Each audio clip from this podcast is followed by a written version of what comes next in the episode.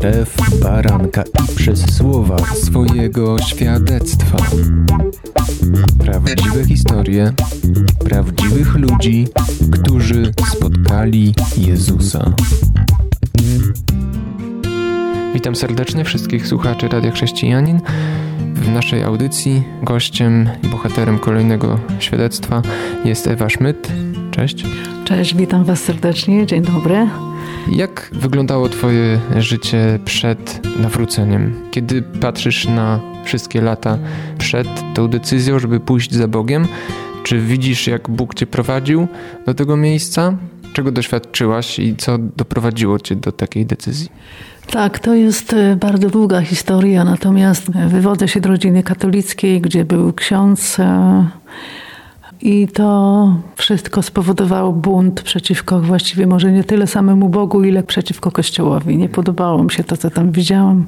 Nie podobało mi się to, co było mówione, a co było robione, bo to były dwie różne absolutnie różne sprawy.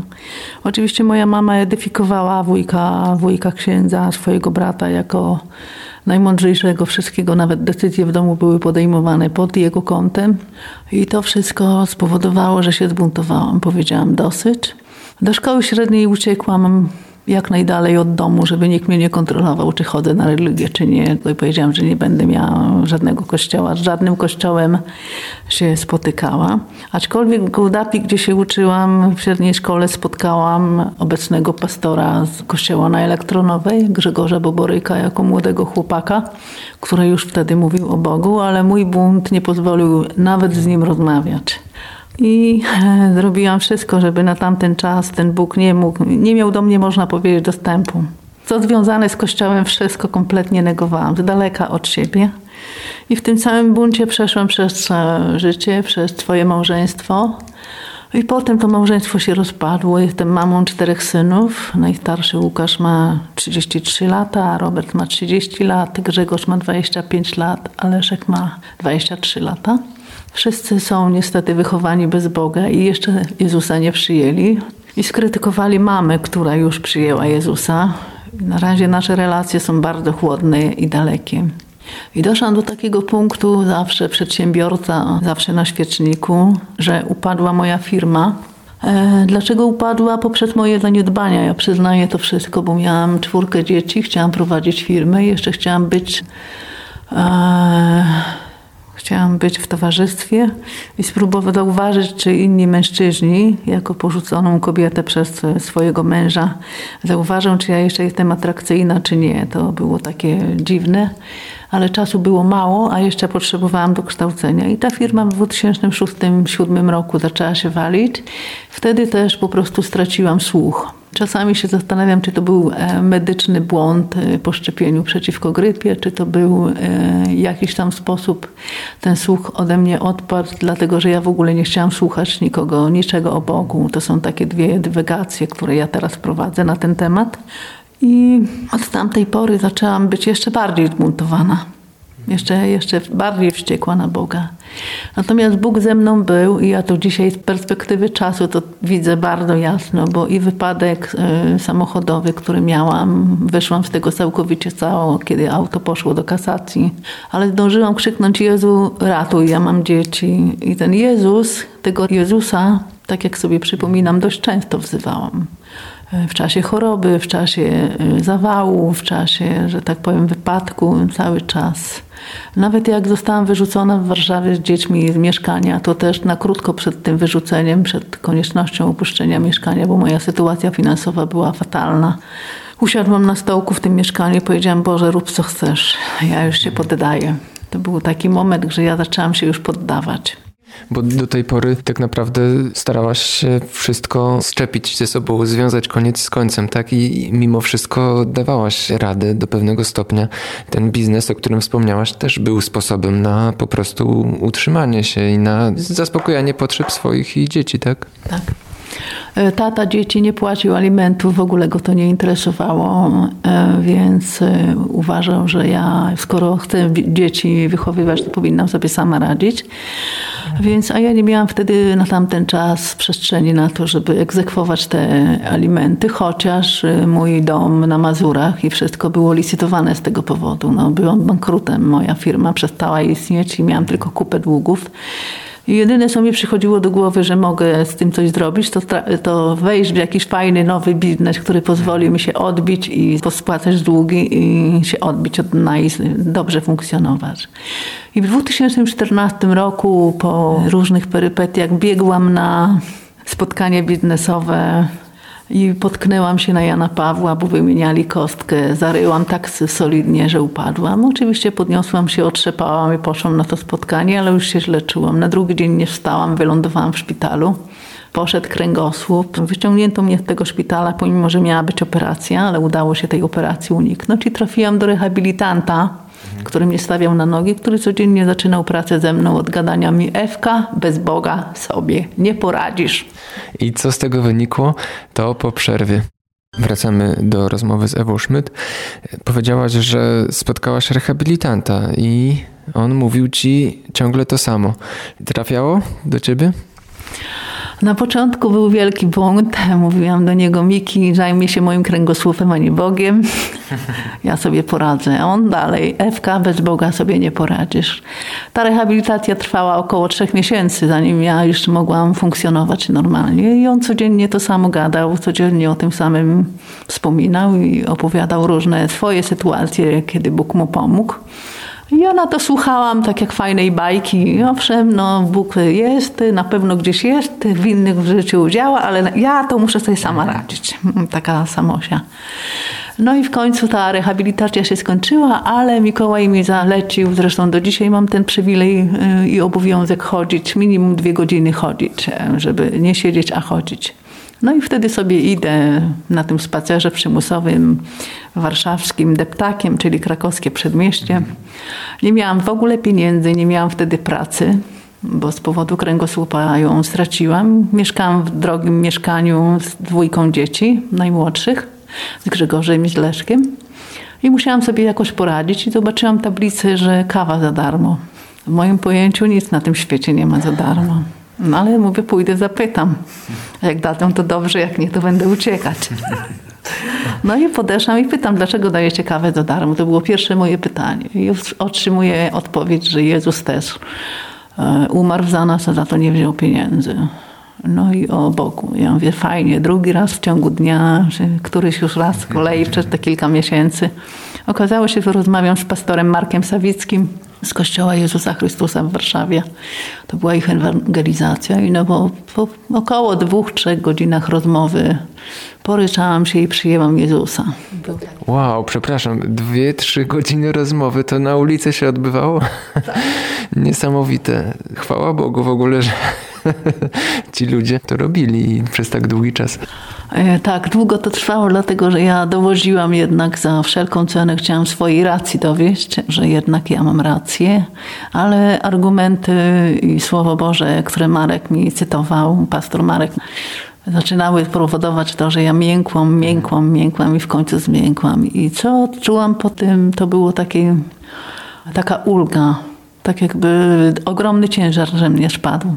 Marek powiedział, że teraz Bóg będzie mógł działać i mi pomoże i wszystko się w moim życiu zmieni. I weszłam w tą relację z Bogiem z oczekiwaniami. Oczekiwaniami, że Bóg zrobi tak, o, wstryk fajnie, wszystko się zmieni. Często podczas rozmów y, pytam o to, y, jakie zmiany zaszły w Twoim życiu i czy były one y, raptowne, że Bóg na przykład, tak jak się zdarza, odebrał komuś uzależnienie, uwolnił, a może był to proces, tak? Można się w zasadzie spodziewać obu scenariuszy. U mnie było tak, że chciałam, żeby słyszeć normalnie, dlatego że miałam duże problemy na tamten czas ze słuchem. Co prawda niewiele osób o tym wiedziało, bo wstydziłam się tego, że jestem osobą niesłyszącą i e, kamuflowałam się w taki sposób, że bezbłędnie nauczyłam się czytać ludzi z ust. Natomiast kiedy ktoś już się odwrócił albo coś już były problemy i z tego powodu nie do słuchu wiele razy straciłam pracę. Narobiłam sobie wiele problemów, no bo chciałam nadrabiać inteligencją i tak dalej. Niestety tak to nie działa i oczekiwałam, że on, Bóg od razu mi ten słuch przywróci. Mhm. Niestety do dzisiaj jestem na aparatach słuchowych. Zmieniło się tylko to, że właśnie dostałam szansę na te aparaty, bo na tamten czas nawet się o nie nie starałam. Trudno mi było się przyznać do tego, że jestem osobą niepełnosprawną. Trudno mi było się przyznać do tego przed ludźmi, że jestem bankrutką i że nie mam pieniędzy. Trudno mi było się przyznać, że muszę szukać pracy, a chce mi się w głowie biznesu, tak? Więc trudno było mi przejść od tej bariery, tego buntu do takiej pokory, do przyznania się do życia w prawdzie, żeby stanąć w prawdzie przed Bogiem i przed ludźmi i normalnie, zwyczajnie poprosić o pomoc. E, wołałam do Boga bardzo często, zatopiłam się w Słowie Bożym od tamtej pory. Biblię przeczytałam bardzo szybko, ale to przeczytałam ją jako fajną książkę i tak naprawdę coś do mnie dotarło, ale nie wszystko. Takim przewodni był dla mnie psalm 91 i 131 w tej, tej mojej drodze i dzisiaj do nich wracam bardzo często. 91 mówi o tym, że Pan jest naszą ochroną i ucieczką, a 131? A 131 mówi o tym, że jesteśmy Jego dziećmi Bożymi i możemy tam na Niego liczyć. Efezjan y, albo 6,4 albo 4,6, znowu nie pamiętam, mówi o tym, żebyśmy wszystkie troski, wszystkie, wszystkie zmartwienia złożyli na Niego, bo On ma o nas staranie i On się o nas zatroszczy. I dla mnie to było nie do pojęcia. No jak to? To co, ja mam leżeć i pachnieć, a Bóg wszystko mi zapewni? Jak to tak jest? Nie rozumiałam totalnie tego i na wszystkie moje pytania właściwie nikt nie potrafił szczegółowo i konkretnie odpowiedzieć. No i zaczęła się dalej walka o pracę, o przetrwanie, o wszystko. Przeprowadziłam się do drugiego mieszkania, potem znowu straciłam pracę, musiałam je zmienić i tak dalej, i tak dalej. I byłam też od Boga, oczekiwałam też, że ta moja sytuacja finansowa się ustabilizuje, wszystkie długi spłacę, wszystko będzie fajnie, będę miała mieszkanie i będą moje dzieciaki pokończą szkoły i tak dalej. Niestety to wszedł w proces, dlatego że ja musiałam właśnie nabyć tej pokory, nauczyć się słuchać Boga. Ja przede wszystkim największą rzecz, którą musiałam zrobić, to po prostu mu zaufać. Zaufanie komukolwiek w tamtym czasie dla mnie było bardzo trudne, dlatego że jestem osobą poranioną, rozczarowaną przez ludzi. I patrzyłam przed, na Boga przez pryzmat tak jakby pierwiastka męskiego, dlatego że w moim życiu nie mogłam zaufać ani ojcu, ani mężowi, czyli cała linia męska. Udowodniła mi, że ja nie powinnam pokładać zaufania mm, tak naprawdę w nikim. I próbowałam wszystko sama. Nie rozumiałam w ogóle słowa, co to znaczy poddać się co to w ogóle jest poddać się Bogu. Doświadczywszy różnych zranień, rozpoczynając własną drogę, też nabrałaś takiego hartu, można powiedzieć. Przyznałaś się przed rozmową do tego, że jesteś bardzo uparta w tym. No właśnie ten upór, taki bunt, e, taki charakter e, twardy, takiej twardzielki zbuntowanej i hardej. Czasami w dzieciństwie mama mi mówiła takie przysłowie, które kiedyś krążyło, że pokorne ciele dwie matki się, a harde i jednej nie. Ono często do mnie wraca. Natomiast nigdy nie umiałam tego sobie przełożyć na moje życie, żeby właśnie tego, te, te dwie matki ssać, tak? Zawsze miałam coś do powiedzenia, zawsze musiałam po swojemu, zawsze, zawsze chciałam tak, jak ja chcę, jak ja to sobie wyobrażam i w ogóle. I tego samego oczekiwałam od Boga. No przecież na moich warunkach możesz mi pomóc, tak? A propos matek, to jestem ciekaw, jak się zmienił Twój obraz Boga, Boga Ojca, ale to może po przerwie, po piosence. Słuchasz Radia Chrześcijani, ewangelicznej stacji nadającej z myślą o Tobie. Wracamy do ostatniej części już rozmowy z Ewą Schmidt i jej świadectwa. Chciałbym zapytać Ciebie, jak zmieniło się jeszcze dalej Twoje życie w tym procesie i jak też zmienił się Twój obraz Boga? Boga, który w swojej miłości do nas ma zarówno te pierwiastki męskie, jak i żeńskie, można tak powiedzieć. Jego miłość jest, jakbyś to powiedziała, jakbyś dokończyła. Jego miłość jest ponad wszystko, tak to dokończę.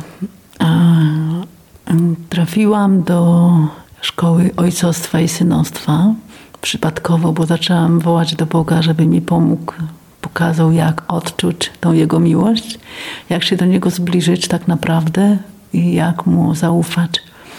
Zaczęłam się tak modlić i Wcześniej w ogóle uważałam, że Bóg na moje modlitwy nie odpowiada, więc prosiłam o modlitwę o mnie wszystkich wokół. Natomiast w którymś momencie dotarło do mnie, że Bóg odpowiada na moje modlitwy, tylko ja nie bardzo chcę to zauważyć i Bóg odpowiedział na moją modlitwę w taki sposób, że dostałam maila z informacją o szkole ojcostwa i synostwa misja Magdy i Ryszarda Sadowskich. I przyszedł ten mail do mnie i od razu się zarejestrowałam i wszystko i wiedziałam, że to jest odpowiedź na moją modlitwę. I tutaj w tej szkole to jest super szkoła, polecam ją każdemu, dlatego że pozwala nam otworzyć serce na Boga, pozwala nam otworzyć się na przebaczenie. Pozwala nam zobaczyć, co stoi na przeszkodzie tak naprawdę do tego, żebyśmy do tego Boga, do tego serca ojcowskiego się zbliżyli. I pozwala też e, spojrzeć na nasze życie, na to, że tak naprawdę bardzo często, ja też, myślę, że ty też, słuchaczu drogi, e, bardzo często patrzysz na to, co ktoś zrobił. A trudno jest spojrzeć na to, co ty zrobiłeś. I ja w którymś momencie na tej szkole stanęłam w prawdzie, że moi rodzice też zrobili to, co zrobili, co było trudne dla mnie do przebaczenia, ale zadałam sobie pytanie przed Bogiem, a jakim ja byłam dzieckiem właśnie takim zbuntowanym, krnąbrnym, walczącym o siebie, o wszystko. Bardzo często kłamiącym, bo tak było łatwiej. Tego się też w dzieciństwie nauczyłam. I to stanięcie w prawdzie po prostu poczułam, jak Bóg mnie oczyszcza z tych wszystkich rzeczy i ta, ten cały bunt odpływa. I zaczęłam się bardzo zbliżać do Boga. Ja nie mówię, że już jestem całkowicie zbliżona, ale ta bariera została złamana. Ta bariera przestała istnieć w ogóle. I teraz wiem, że Bóg po pierwsze odpowiada na moje modlitwy, że Bóg mnie słucha, że Bóg ma dla mnie najlepsze, najfajniejsze rzeczy na ziemi i cokolwiek by się wydarzyło w Twoim życiu, to Bóg jest z Tobą. Nawet jeżeli tego nie widzisz, nawet jeżeli tego nie czujesz, On działa. On jest z Tobą i nigdy, tak jak Słowo Boże mówi, Ciebie nie opuści i nie porzuci. To jest ważne dla nas wszystkich przesłanie, dlatego że e, ja wierzę, że świat nauczył nas, że sami możemy na sobie polegać, sami kreować swoje życie, sami, sami działać i osiągać sukcesy, wszystko. I wszystko w tym takim egocentrycznym spojrzeniu na siebie sobie przypisujemy te wszystkie sukcesy. Tak naprawdę, jakbyśmy odwrócili sytuację i spojrzeli z drugiej strony lustra, to żeby nie ten Bóg, nie pozwolił ci rano otworzyć oczu, to nic byś nie zrobił. Kompletnie nic.